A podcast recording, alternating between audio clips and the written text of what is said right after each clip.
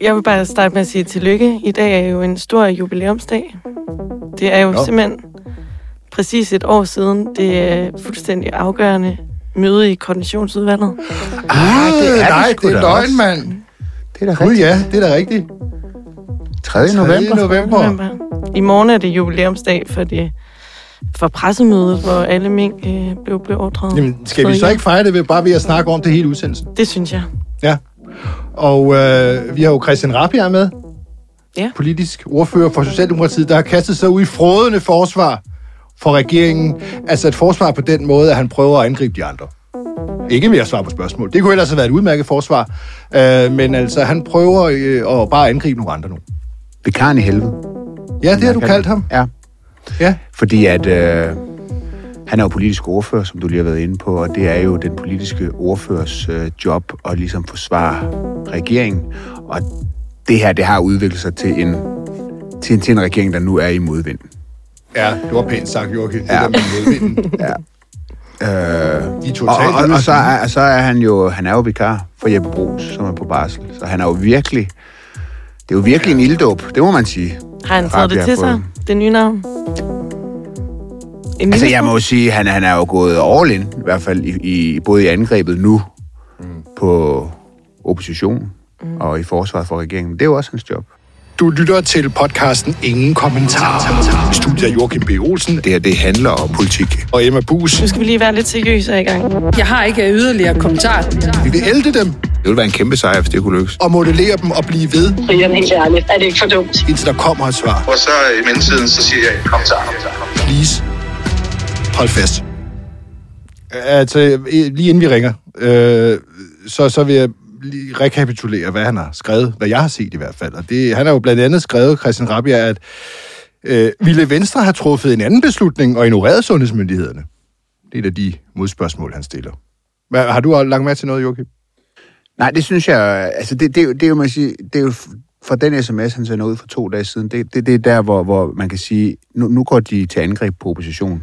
Jeg synes, det er ret tydeligt, de har lagt en strategi, de sidder og taler om det her i regeringen og i Socialdemokratiet, at øh, nu må vi lidt i offensiven. Vi er virkelig presset øh, ja. efter øh, sms'erne. Ja. De manglende sms'er kom frem. Mm. Rasmus Prehn. Øh, Rasmus Prehn også, ja. ja, Mogens Jensens efterfølger, øh, som, som øh, fødevareminister, har jo også kastet sig ud i det, og han har stillet 10 spørgsmål, som de andre øh, burde svare på, mens der jo er 70 spørgsmål, Mette Frederiksen kunne svare på. Men altså, det er åbenbart det, man skønner er, er, er det bedste. Jeg synes, vi skal gøre det på den måde, at vi bare går lige til bidet, og, øh, og, og spørger ham, om, øh, om det ikke er et problem. Det er jo et helt åbenlyst spørgsmål. Ville det være et problem, hvis Mette Frederiksen havde begyndt at slette sine sms'er under minkaffæren? Fordi det synes jeg ville være et problem. Så der, der, der må man forvente et klart og utvetydigt kæmpe rungende ja. Det ville være et problem. Og det vil jeg gerne høre ham til. Det er et godt spørgsmål. Ja, ja, ja. Så skal vi bare krabbe os derhen, og så skal vi huske at være venlige. Sådan er det jo også i det her program. Lad os ringe til ham. Det er Christian. Ja, goddag Christian. Det er Brian Weikart fra Ekstrabladet her. Goddag. Og Joachim. Hej, Christian. Hej, hej. Og Emma Bus. Hej. Og øhm, Fuld hold, fuld hold. ja, ja, ja. Og, øh, og, og vi ringer jo, fordi du har jo kastet dig ud i et frådende forsvar for, øh, for regeringen, for dit parti. Jeg vil jo ikke, jeg vil jo ikke kalde det fodende, men, men savligt, men sådan er der jo så meget. Ja, ja okay. uh, og, øh, og, og noget af det, som du gerne vil, den, den måde, du forsvarer regeringen på, det er, at du, du beder andre om at svare på spørgsmål i sagen. Uh, selvom uh, den store del af befolkningen jo venter på, at, at Socialdemokratiet svarer på spørgsmål. Så Mm, Det synes jeg også kun er, er den ene side af mønten. Altså, jeg har sådan set stillet op til de interviews, jeg stort set er blevet bedt om, og har, har både Ja. svaret på spørgsmål, og mener selvfølgelig også, at Og det er derfor, du er vikaren i helvede. siger- Det er derfor, du er vikaren i helvede. Det har jeg jo kaldt dig, Christian. For- Fordi at, øh, man kan sige, du er jo vikar for Jeppe Brugs, ikke? Og øh, det er da ikke et, et, det er ikke et stille tidspunkt i regeringens liv, øh, hvor du ligesom har taget over. Det kan vi godt blive enige om, ikke? det kan vi godt blive enige om. Ja. Altså, øh, jeg er politisk ordfører for en uh, regering, som på grund af resolutte beslutninger under corona har reddet i tusindvis af liv og, og endnu flere arbejdspladser. Det synes ja. jeg egentlig er en, er en ære. Det, det, det, det, det, det, det, jeg ved ikke, hvor mange, hvordan har du, gør du den der opgørelse op, tusindvis af liv, hvordan, hvad er det for en beregning, der ligger til grund for det? Øh, det var vist en dreng, der var på forsiden af, af, af Jyllandsposten, hvor man har spurgt forskellige eksperter, som, som gjorde op. Og øh, det er jo også relativt nemt bare sådan med sin egen sunde fornuft at kigge på, hvordan det er gået nogle af de lande, der ligger omkring os, som har forfulgt en anden strategi. Mm. Øh, jeg tror selv grænse for folkestørrelse, så er der vist stået tre gange flere i, i Sverige, som jo øh, fulgte en linje, som, Fordi vi som, var det, mink, som Venstre plæderede for. Fordi vi har jo ledet mink, eller hvordan? Øh, altså, det forhold, at at Danmark er øh, en meget god sundhedssituation og også en god økonomisk situation, er jo den samlede mm. Sum af kardemommen, når man så må sige. Altså både resolutte beslutninger i forhold til mink, i forhold til Så restriktioner, ikke kun men også en befolkning, men som jo også i høj grad en befolkning, som, som stod sammen og tog cyklen i stedet for bussen og undlod at gå til begravelse, selv når deres kære gik, gik bort. Så Ja, der er ja. truffet enormt mange beslutninger på mange niveauer. Jeg har forberedt, øh, Christian, jeg har forberedt nogle meget nemme spørgsmål, øh, og de kommer nu. Øh, kan det nogensinde være legitimt, at en regering fortsætter en praksis, den ved er ulovlig? Det spørgsmål har du fået før. Hvad er egentlig svaret på det nu? Altså, loven øh, gælder jo øh, for alle, og, alle skal, skal følge loven. Så hvis regeringen har øh, fortsat en praksis, den vidste, den, der var ulovlig, så er det, øh, ja, så er det jo en ulovlig praksis. Det, det, det kan ikke være legitimt.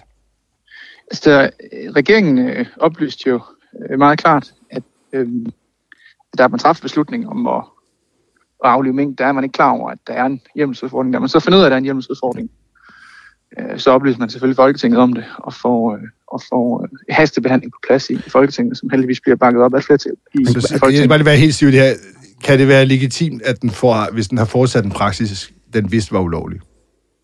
Altså, alle skal, alle skal, skal følge loven, og det Så gælder både er regeringer og personer. Ja, det er Nej, Det var Christian, ikke jeg skal bare lige høre faktisk, hvordan harmonerer det egentlig med det, det, det, der kommer frem i dag også, at Magnus Heunicke jo har godkendt et cover, øh, hvor i der står, at der ikke er hjemmel. Det, det er godkendt før øh, I tager, besl- øh, regeringen tager beslutningen den 3. november. Altså, det er bare fordi, du siger, at man vidste det ikke, men, men hvis en minister, en sundhedsminister, godkender et cover fra sin embedsmænd, hvor i der står, der, der er, mangler hjemme, hvordan kan du, man egentlig så sige, at regeringen ikke vidste det?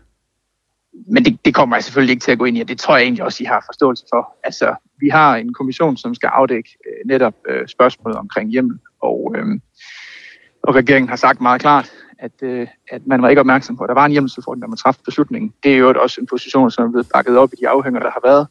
Men nu lader vi kommissionen arbejde, og derfor kommer jeg ikke til at gå ind i, i, øh, i hvad der sådan bliver bragt frem i den forbindelse i, øh, i, i artikler i, i, i Berlingske, Ja. tror jeg det var. Okay, jamen jeg har, jeg har nogle flere nemme spørgsmål. Hvornår begyndte Mette Frederiksen at slette sine sms'er? Mette Frederiksen har jo meget klart sagt, at øh, hun blev rådgivet af statsministeriet til at, øh, at slette sms'er Hvornår? øh, løbende. Det var spørgsmålet, Øh, hvornår, hvornår gjorde hun det? Jamen, lad mig nu lige komme frem til det. Altså, øh, det afgørende er, at øh, Mette Frederiksen af hensyn til informationssikkerhed og som følge af rådgivning i sit ministerium har haft en øh, praksis, som i øvrigt er, er fuldstændig i overensstemmelse med, med, med reglerne. Øh, og jeg kommer ikke til og kan ikke gå ind i, øh, hvornår øh, det er startet. Det har jeg vist også svaret til, mm. til andre medier. Men jeg vil gerne slå fast, at den sletningspraksis, der har været, dels er overensstemmelse og dels ikke øh, har noget som helst med, med mink at gøre. Okay, det vil du ikke svare på. Men ville det være et problem, hvis hun begyndte at slette under minkaffæren? Ville det være et problem? Jamen, det kommer jeg ikke til at gå ind i. Vi har klart uh, sagt, og statsministeren har klart sagt, at de har ikke noget som helst med, med uh, mink at gøre. Og jeg synes jo også, det er en mærkelig uh, mistænkeliggørelse. Altså, Ja, men, ja, øh, hvad skulle interessen... lige, øh, lige to sekunder. Det er faktisk ikke et, øh, et konspiratorisk spørgsmål. Det er et, det, det, ville det være et problem? Det synes de fleste mennesker. Ville det være et problem, hvis Mette Frederiksen, da mink-affæren eksploderer, begynder at slette sine sms'er først der? Men, men når jeg har sagt, og statsministeren har sagt, at den praksis, man har haft omkring sms'er, den vedrører informationssikkerhed og sker efter rådgivning fra statsministeriet, så, så, så mener jeg egentlig, at det må være sandt. Okay, jeg kommer ikke til at gå, gå længere ned i det. Kan, kan, du, kan du forstå, Christian, at øh, det, det, det skuer lidt i folks ører, når de hører det der? Altså, kan, kan du forstå, at øh, folk finder det en lille smule underligt, øh, at, man, at man sletter sms'er? Altså, det er jo noget, folk kan forholde sig til. Du siger jo selv, at det her det er en kompliceret sag, men det der med at slette sms'er, kan du forstå, at folk synes, det er mærkeligt? Nej, jeg oplever det egentlig ikke på den måde. Jeg var eksempelvis til et stort øh, valgmøde i går, arrangeret af Ældresagen, og der var det, jeg tog med derfra, at, øh, at man var enormt glad for, at øh, vi har haft en, en statsminister, som har fået os igennem øh, den kæmpe store sundhedskrise, vi har haft. Det forstår jeg med, godt, men... med, så, men, med så relativt uh, få døds, dødsfald, hvilket jo er en konsekvens af, at der er truffet men, en lang række vanskelige og resolutte beslutninger. Og det, Men- og det er det, jeg oplever, folk uh, tager, tager ned og er mest interesseret i, hvilket jeg også uh, synes er det mest fornuftige og det vigtigste. Jamen, det var jo ikke et svar. Det, det var jo ikke svaret på Joachims spørgsmål. Jamen, kan du forstå, at folk synes, det er mærkeligt? Altså, hvis nu du flyver lidt op i helikopteren, og der kører den her sag, og man prøver at finde ud af, hvad er op og ned, og hvem vidste hvad, hvornår. Og så kommer det frem, at, øh, at nogle af de helt centrale øh, personer i statsministeriet, som har været helt tæt på den her beslutning, de ligesom har slettet deres øh, sms'er. Og det gør man Det ikke i alle ministerier. Kan du, kan du ikke forstå bare sådan helt grundlæggende, Nej, det- at der er det nogle tror jeg folk, ikke, der, at folk synes, at det Nej. er lidt underligt, at det virker Det- det jeg- mistænkeligt? Nej, det, det tror jeg egentlig er et fortal, der synes, at Det- det, det- virker det tror du mistænkeligt. Al den stund. Okay. Okay. Nej, det tror jeg ikke. Al den stund, at, øh, at statsministeriet, statsministeren jo meget klart har sagt, at der ikke er nogen som helst grund til at tro, at øh, dels at journaliseringspligten er overholdt, det vil sige, at de dokumenter, som skal journaliseres, er journaliseret. Så har der været en praksis omkring sms'er, som øh, er lavet sådan på grund af informationssikkerhed, og man har så derudover sagt, hvis der er sms'er, som af hensyn til informationssikkerheden er blevet slettet, så vil man gøre, hvad man kan for at skaffe dem. Det er jo helt nyt, at kommissionen beder om så omfattende generelle Jeg skal, jeg skal, bare, jeg skal bare lige høre her, Christian. Altså, du vil simpelthen ikke svare på, om du synes, det ville være et problem, hvis hun først begyndte at slette sms'er under minkaffæren. Men, men altså, prøv at høre, Brian. Det jeg svarer, det er, at jeg synes, det er et irrelevant spørgsmål. Fordi jeg meget klart har sagt, at statsministeren har meddelt, at den praksis, man har haft i forhold til sms-sletning, den vedrører informationssikkerhed. Og dermed har den intet at gøre med mink. Og det synes jeg sådan set er et, er et meget et meget klart svar på det spørgsmål. Jeg synes, det er et du, spørgsmål, ved du, som hvad du sætter spørgsmålstegn ved nu? Ved du, hvad du sætter spørgsmålstegn ved lige nu? Jeg sætter ikke spørgsmålstegn ved, ved noget som helst. Du sætter spørgsmålstegn ved lytternes intelligens. Det gør du altså. Det må stå for din regning. Jeg skal bare lige, jeg, fordi det er et meget simpelt spørgsmål, og jeg tror, at de fleste mennesker, de ved godt, at det vil være et problem, hvis hun begynder at slette lige pludselig under for eksempel minkskandalen. Ville det være et problem, hvis det var der, hun begyndte at slette? Altså, jeg synes egentlig, det er dig, der stiller spørgsmål, øh, eller taler ned til lytterne. Jeg, jeg har jo svaret på det her spørgsmål Hvad er dit øh, svar? gentagne gange. Bare helt kort. Hvad er dit svar på, om det ville være et problem? Ja eller nej? Jeg har ikke hørt det, øh, hverken et ja eller et nej. Hvad, ville det være et problem? mit svar er, at jeg synes, det er et irrelevant og meget hypotetisk spørgsmål, al den stund, at jeg jo har sagt, at sletningen af sms'er er lovlig, øh, er sket efter, øh, at statsministeriet har, har rådgivet statsministeren til det, og handler om informationssikkerhed. Så når Svar er, dit svar er med andre ord, at det spørgsmål er dumt. Det er dit svar. Spørgsmålet om, om det ville være et problem, hvis hun slettede sms'er Og lige det, det bliver lidt for meta nu. Jeg, jeg har givet et svar, ikke også? Det, det bliver lidt for meta. Jamen, så, jeg skal bare forstå givet- jeg svaret, og et svar. svaret er, at spørgsmålet er dumt. Øhm, Igen, det må stå for din egen øh, regning, Brian. Nå. Øh, øh, ville det være et problem, hvis det viser sig, at det ikke var PET eller andre sikkerhedseksperter, der rådgav statsministeren, men bare en, ja, hvad skal man, en stabschef eller en departementchef, der rådgav hende til at slette? Ville det være et problem, hvis det viser sig, at det ikke er en sikkerhedsekspert? Nej, det mener jeg bestemt ikke. Og, og, jeg, og jeg, altså, i forhold til, Hvordan kan det ikke være et problem, hvis det ikke er en sikkerhedsekspert, der rådgiver hende om sikkerhed?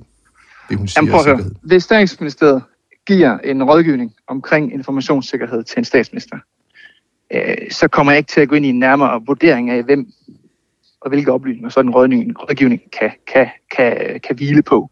Mm. Men ville det ikke være et problem, hvis det var en sikkerhedsekspert? Hvis, en, hvis, en, hvis et statsministerium rådgiver en statsminister til at hensyn til informationssikkerhed og have en praksis med at slette sms i en situation, hvor man i øvrigt øh, øh, selvfølgelig har tillid til, at, øh, at man i statsministeriet øh, overholder journaliseringspligten, som er det centrale her, så, så mener jeg, den, den sag er, altså, så, så, så er der ikke så meget mere at sige til den, den sag. Jamen, øh, det gør jo en forskel, om det er en sikkerhedsekspert, der rådgiver hende i sikkerhed, altså en fra PET eller andet, eller om det er portøren, eller om det er stabschefen, eller om det er nogle andre nogen.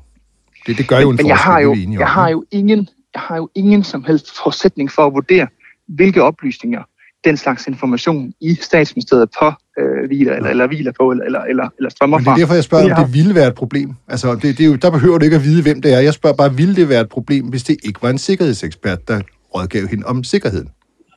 Jeg kan bare sige, at jeg har fuld tiltro til øh, statsministeriet, og det er statsministeriet, der har rådgivet den her sag. Og det tror jeg også, at andre politikere og også andre farver vil, øh, vil, vil have, når man modtager rådgivning fra sit øh, ministerium på den måde. Jeg har ikke mere. Kan du forstå, Christian, når, når du siger, at statsministeren har klart sagt, at uh, det skyldes informationssikkerhed osv. Altså, det er ligesom om, du lægger en præmis ned, der siger, når statsministeren siger noget, når, når, når magthaverne ligesom siger noget, Nå, så skal vi bare tage det for gode varer. Så, så er der nok ikke noget at komme efter. Altså, du ved jo godt, at sådan fungerer det ikke. Jeg har bare, jeg har bare ekstremt svært ved at forstå, hvad det er, øh, der skulle være vores øh, incitament til at lave noget her, som, som ikke er i overensstemmelse med øh, det, vi allerede har sagt. Altså, vi havde en opgave på det tidspunkt, hvor som den bullerede derud af. Vi Mm. skrev resolut ind. Det har været med til at redde menneskeliv. Det er os, der opdager, at der er en hjemsproblematik. Det gør vi så Folketinget opmærksom på. Beklager, ministeren tager øh, jo et ansvar for det og, og, og går på baggrund af sagen. Og vi får styr på den lovgivning, øh, sådan så hjemsproblematikken ikke længere findes. Nu er der så en øh, kommission, som vi selv har været med til at nedsætte, som skal undersøge forløbet, og det synes jeg er fint. Men, men, men jeg synes bare, at diskussionen mangler proportioner, når vi taler om noget, som er så alvorligt, og så har jeg brugt uh, 10 minutter på at tale om sms'er med jer, Mm, mm. på nogle indiser, som jeg synes er, er, er tynde. Det er Men kunne motivation... Jeg, jeg, jeg, nej, jeg, undskyld, jeg, jeg, har, jeg tror, jeg har en idé om, hvad jeres motiv kunne være. Ja, også. Ja, øh, mit bud er, at det er en god idé at slette spor, hvis man er, har gjort noget forkert. Det, det kunne være et godt motiv til at slette sms'er. Men, men, men jeg, kan jo ikke, altså, jeg kan jo ikke bevise øh, min eller regeringens uskyld her. Altså, du, det du siger nu, det er, at øh, når statsministeren siger, at det handler om informationssikkerhed, så, så tror du ikke på det. Jamen det det, det siger, for jeg har ikke sagt. Jeg siger bare, hvad skulle vores motiv dog være til at slette sms'er? Og så siger jeg bare, et godt motiv kunne være, hvis man havde skrevet en sms, øh, der så meget, meget forkert ud, og så kunne man slette den. Det er da et godt motiv til at slette sms'er. Vi gør alt, hvad vi kan for at gendanne øh, de sms'er. Har i øvrigt øh, bedt som noget helt ekstraordinært politiet om at hjælpe med at få gendannet de sms'er.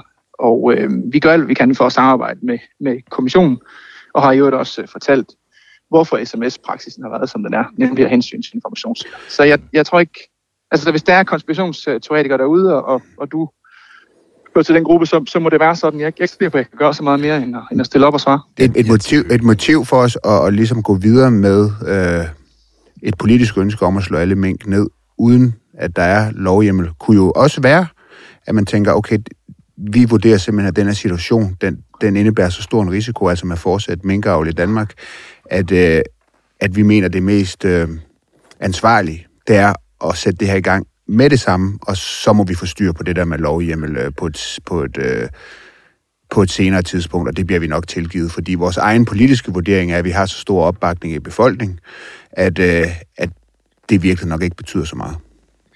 Men, men Joachim, prøv nu at lige huske tilbage på, hvordan situationen var dengang. Inden for zonerne, hvor der var smitte, der mm. var der lovhjemmel, der var mm. vi i gang. Mm. Uden for zonerne øh, kunne man på pressemødet have sagt, der er ikke øh, lovhjemmel endnu, det skal vi have på plads, men øh, man kan starte aflivning, fordi det er fornuftigt, det kan man så gøre mod en tempobonus. Og så kunne vi have bedt Folketinget om at hastebehandle det. En hastebehandling, som Folketinget i øvrigt efterfølgende godkender.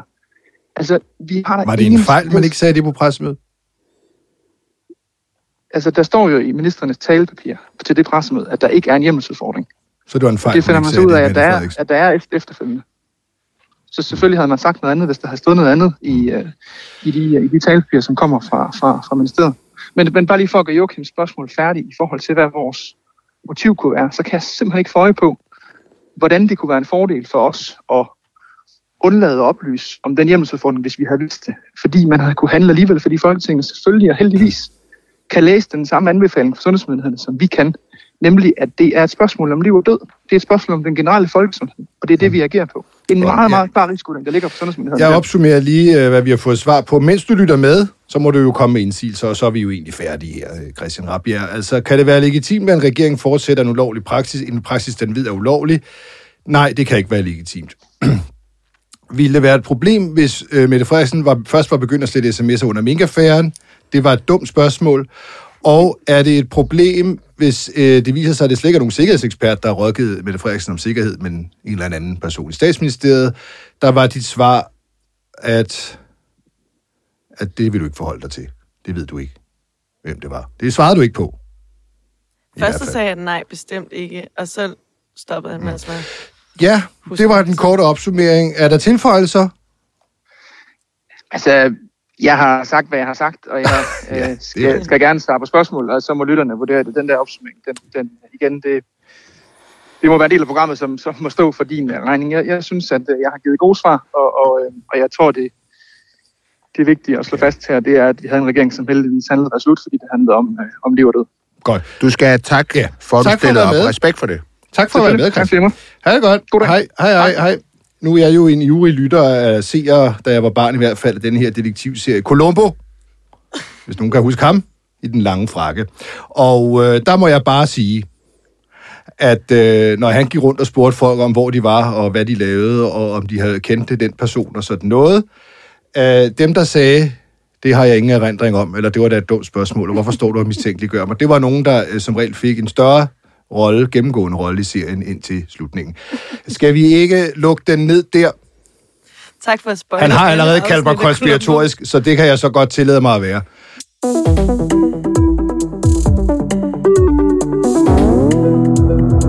Øh, vi skal snakke, øh, vi skal fortsætte snakke om mink, men øh, nu ud fra øh, altså en anden vinkel, fordi at øh, jeg læste i politikken i øh, weekenden øh, en ganske, ganske, ganske interessant artikel, øh, baseret på øh, de vidneafhøringer, der kører øh, i kommissionen.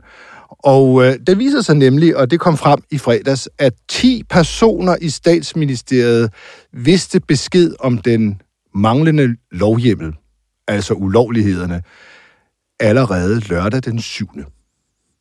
Og øh, der skal vi huske tilbage på regeringens redegørelse for sagen, og der står, at øh, departementchef Barbara Bertelsen, departementchef i statsministeriet Barbara Berlesen, først fik besked et døgn senere, søndag formiddag.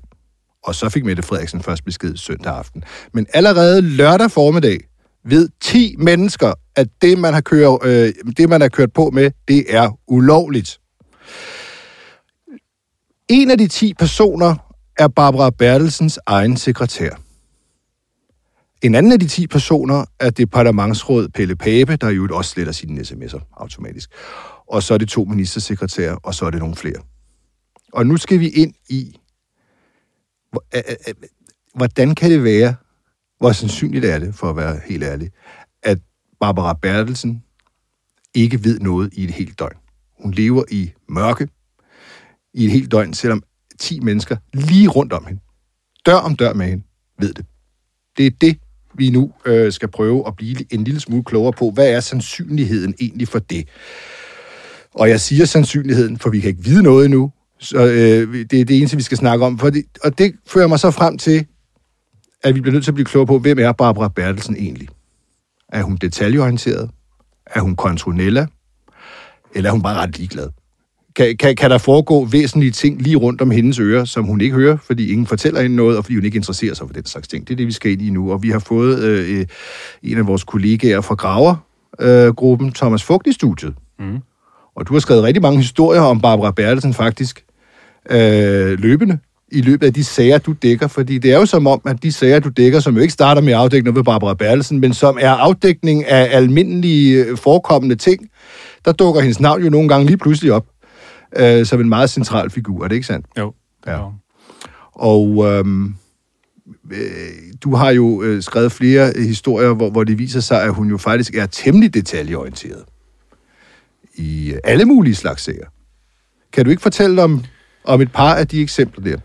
Jo, altså nu er du så lidt på det her med, at, at øh, om hun lever i mørke eller ej. Altså erfaringsmæssigt, så er hun jo en, indviklet og blandet ind i mange af de øh, højintense sager, der ligesom kører i regeringen.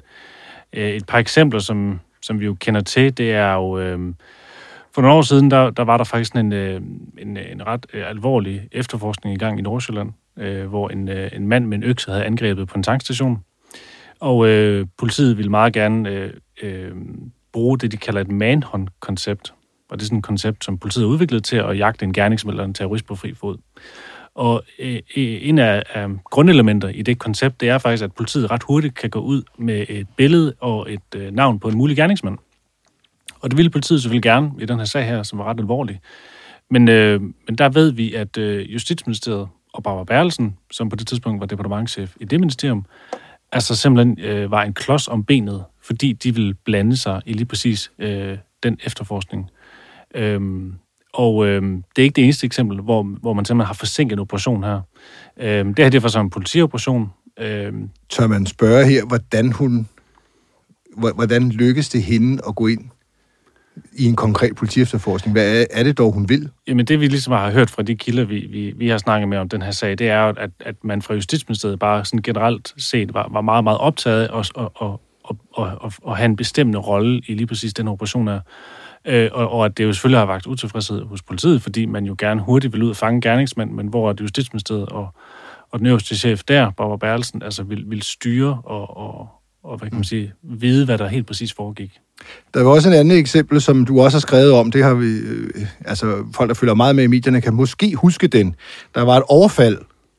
Hun hørte i, i sit privatliv, mm. altså i sin egen lejlighed, hører hun tumult på gaden.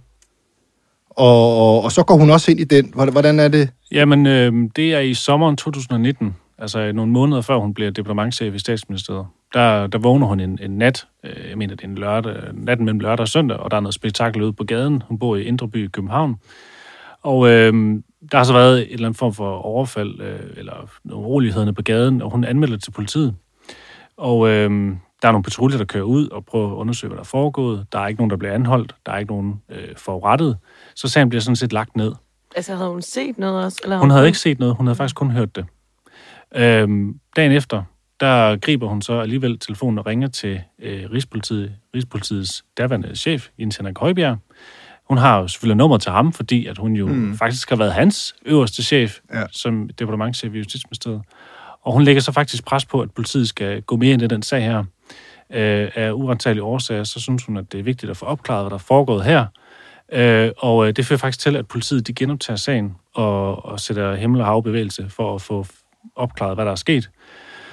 Og øh, i de kommende dage, der, der, der får den sag simpelthen en, en meget, meget høj prioritering. Og det er vel at mærke på et tidspunkt, hvor der ligger tusindvis af voldssager og samler støv i Københavns politi, men hvor den her, den skal simpelthen bare prioriteres. Den går hun helt ind i. Den går hun helt ind i.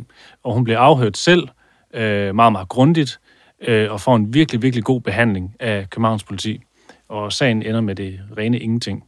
Øh, så der blander hun sig øh, i en konkret øh, efterforskning, og bruger selvfølgelig sin position til at ringe til politiet og lægge pres på.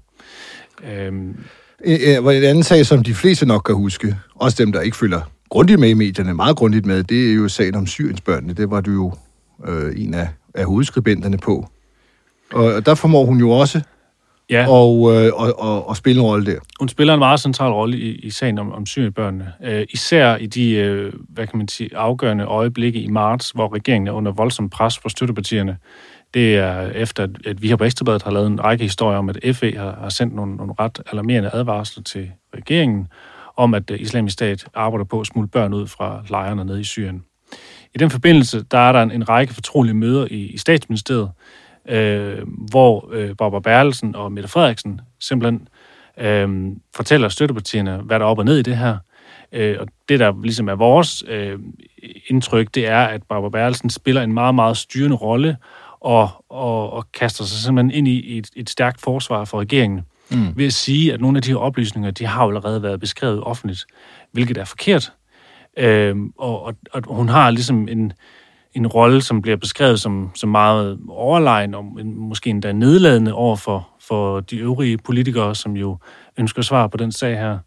Øhm, så, så der har hun også meget, meget aktiv og, og spiller en meget, meget, meget øh, afgørende rolle i, i det forløb også. Kan, kan man tillade sig at opsummere hende her til sidst, Thomas, som en øh, forholdsvis, altså som en detaljefetisist simpelthen? Ja, det tror jeg godt. Altså hun har et, et meget, meget stærkt kontrolgen, hun vil gerne vide, hvad der rører sig, hvad der sker øh, i sit embedsværk, og også i de andre ministerier. Mm. Øhm, det er i hvert fald det indtryk, man får, når man, når man taler med Kilde rundt omkring Slottholmen, at hun vil meget gerne vide, hvad der foregår, og, og meget, meget, øh, meget tit ned i enkelte detaljer. Okay. Så, så tror jeg, jeg siger tak til dig, Thomas, for det, og så vil jeg kigge på vores øh, spekulademand, mm. øh, Joachim. Mm. Ikke? Mm. For vi skal prøve med, med, med, med, med med den her historik, der er for Barbara Bertelsen, som at være ikke bare interesseret i detaljer, men, men fuldstændig fascineret af detaljer. Og, og, og have et næsten glupsk øh, øh, øh, blik for at, at, at gå helt ned i detaljerne og få opklaret sagerne helt ned i de små detaljer. Hvor sandsynligt er det egentlig så, vil du mene, med dit kendskab også til, hvordan øh, arbejdsgangene er i ministeriet, at der sidder 10 mennesker rundt om hende, blandt andet hendes egen sekretær, blandt andet departementsråd, Pelle Pape, og ved, at man er i gang med en tordnende ulovlighed i et helt døgn, uden hvor hun ved noget. Hun kender, hun ved det ikke.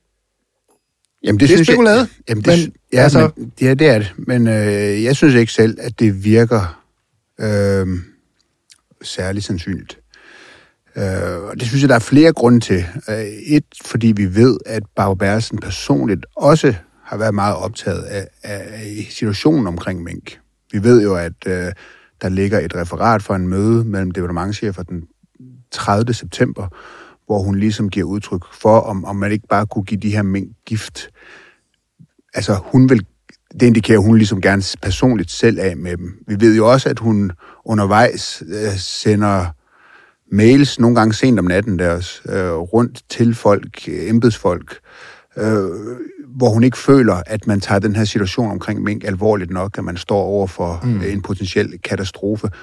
Øh, der er en embedsmand, der ligesom siger, hun er mere hardcore, og der mener jeg, den her embedsmand på det her spørgsmål omkring mink, end statsministeren selv. Altså, der, der, der står ligesom et billede tilbage af en øh, departementchef, som er meget involveret, personligt involveret, øh, og ligesom selv ligesom har en politisk holdning til det her. Og det er jo, og det er jo der, hvor jeg synes, at Barbara Bertelsen er en interessant embedsmand, øh, fordi hun er helt klart af en anden skole end, hvad skal man sige, tidligere embedsfolk. Øh, hun er jo af den skole, hvor hun ligesom siger, det er politikerne, som vi skal servicere. Det er også rigtigt, det er embedsmandens mm. rolle. Men, men, men, men, men vi skal gå meget langt for at få deres politiske ønsker gennemført. Det, øh, det er dem, der har et folkeligt mandat. Og jeg kan selv huske hende fra særligt øh, øh, forhandlingerne under Black-regeringen om paradigmeskiftet, hvor hun sad med på rigtig mange møder. Der var rigtig meget jura i det her øh, altså flygtningepolitik og så videre. Og, og jeg må sige, som politiker, der havde jeg et virkelig godt indtryk af hende, i den, i den forstand, at, at man følte, man sad over for en embedsmand, som gjorde sit ypperste for, at politikernes ønsker kunne blive gennemført. Den fornemmelse har man ikke altid med embedsmænd. Nogle gange, så har man øh, mere fornemmelsen af, at de er stopklodser for politikernes øh, ønsker, at de ligesom ser glasset som halvt fuldt og hele tiden skal finde håret i suppen, og hvorfor tingene ikke kan lade sig gøre. Den fornemmelse havde man ikke med Barbara Bertelsen. Det kan man som politiker jo rigtig, rigtig godt lide. Mm. Og jeg er også ret overbevist om, at det er derfor, hun er departementchef i statsministeriet i dag, øh, fordi Mette Frederiksen kan rigtig godt lide den type embedsmænd. Mette Frederiksen er jo en, en, en politikertype, som har haft mange kampe med embedsværket, og som selv har den filosofi, øh, de skal ikke stå i vejen. Mm. Og, hun, og hun har synes, at de står for tit i vejen.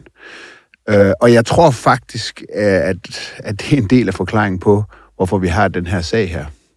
Altså, at vi har en statsminister... Det må du uddybe. Ja, vi har en statsminister, som jo har helt åbent øh, øh, haft et ønske om, at magten den skulle centraliseres i statsministeriet. Statsministeriet skulle have mere magt, mere hånd i hanke over, hvad der foregår ude i, i, i ministerierne. Magten skulle flyttes fra Finansministeriet over i statsministeriet. Og det er et helt legitimt politisk ønske i øvrigt at have. Øh, og hun har håndplukket Barbara Berlsen over for Justitsministeriet, selvfølgelig fordi hun arbejder sammen med hende og ved, at hun er den her type øh, embedsmand, som ser det som sin fornemmeste opgave, eller i hvert fald en meget, meget vigtig opgave, at sørge for, at politikernes ønsker, de bliver gennemført. Mm. Og jeg tror, at det spiller rigtig, rigtig meget ind i, hvordan det her der overhovedet kan ske, fordi hvis du, hvis du har sådan en type embedsmænd, og du har nogle, poli- nogle politikere, øh, en regering, som har et politisk ønske øh, om at slå nogle mink ihjel, som jeg også tror handler om noget historiefortælling. At, at man skal også huske på det her tidspunkt, hvor beslutningen bliver taget, der går det ufatteligt godt for regeringen. De ligger langt over 30 procent. Alle undersøgelser viser, at en meget stor del af befolkningen, kæmpe flertal af befolkningen, også øh, et flertal af blå vælgere, bakker op om regeringens coronahåndtering. Og for mig virker det meget sandsynligt, at man så... Nogen kalder det magtafgangse, magtfuldkommenhed. Øh, den anden vinkel kunne være at sige, jamen, øh, man, ja, man tror lidt, man kan gå på vandet. Og så bryder nogen af de, øh, hvad skal man sige, sikkerhedsbarriere ned, som er i sådan et system normalt, øh, og som sikrer, at man ikke tager beslutninger, der er forkerte, eller som der ikke er lovhjemmel for? Jeg tror, at vi, øh, vi må holde fokus på det her meget, meget spændende døgn øh, fra lørdag formiddag, lørdag den 7. november, øh, hvor 10 medarbejdere i statsministeriet, også helt oppe i toppen af statsministeriet, ved det er ulovligt, det man er gang i, til søndag øh, formiddag, et døgn senere, hvor angiveligt først Barbara Bersen får noget at vide der, og så først Mette Frederiksen om aftenen. Det er meget spændende, og, øh, og det vil jo selvfølgelig blive, det vil kommissionen helt sikkert bore meget grundigt i, og det følger vi selvfølgelig med i. Jeg tror, glemmer helt, at der er kommunalvalg om et par uger. Ja. ja det er jo totalt alt overskyggende. Ja, det er jo... Det, det, sådan har jeg det da selv. Altså, alle går jo rundt øh, og, og spekulerer i, hvem, hvem pokker vidste hvad. Hvornår? Det er jo helt grundlæggende opklaring af en, af en sag. Og det, det hører vi så fra Christian Rabia, at det er, det er konspiratorisk at sidde og spekulere i den slags. Det vil jeg ikke mene. Jeg skal huske at sige, at øh, det her program er optaget kl. 11. Altså klokken er 11 nu. Og det er jeg nødt til at sige, fordi der sker hele tiden nyt i denne her minkaffære. Øh, så øh, for eksempel venter vi stadigvæk på svar fra Mette Frederiksens øh, ministerium.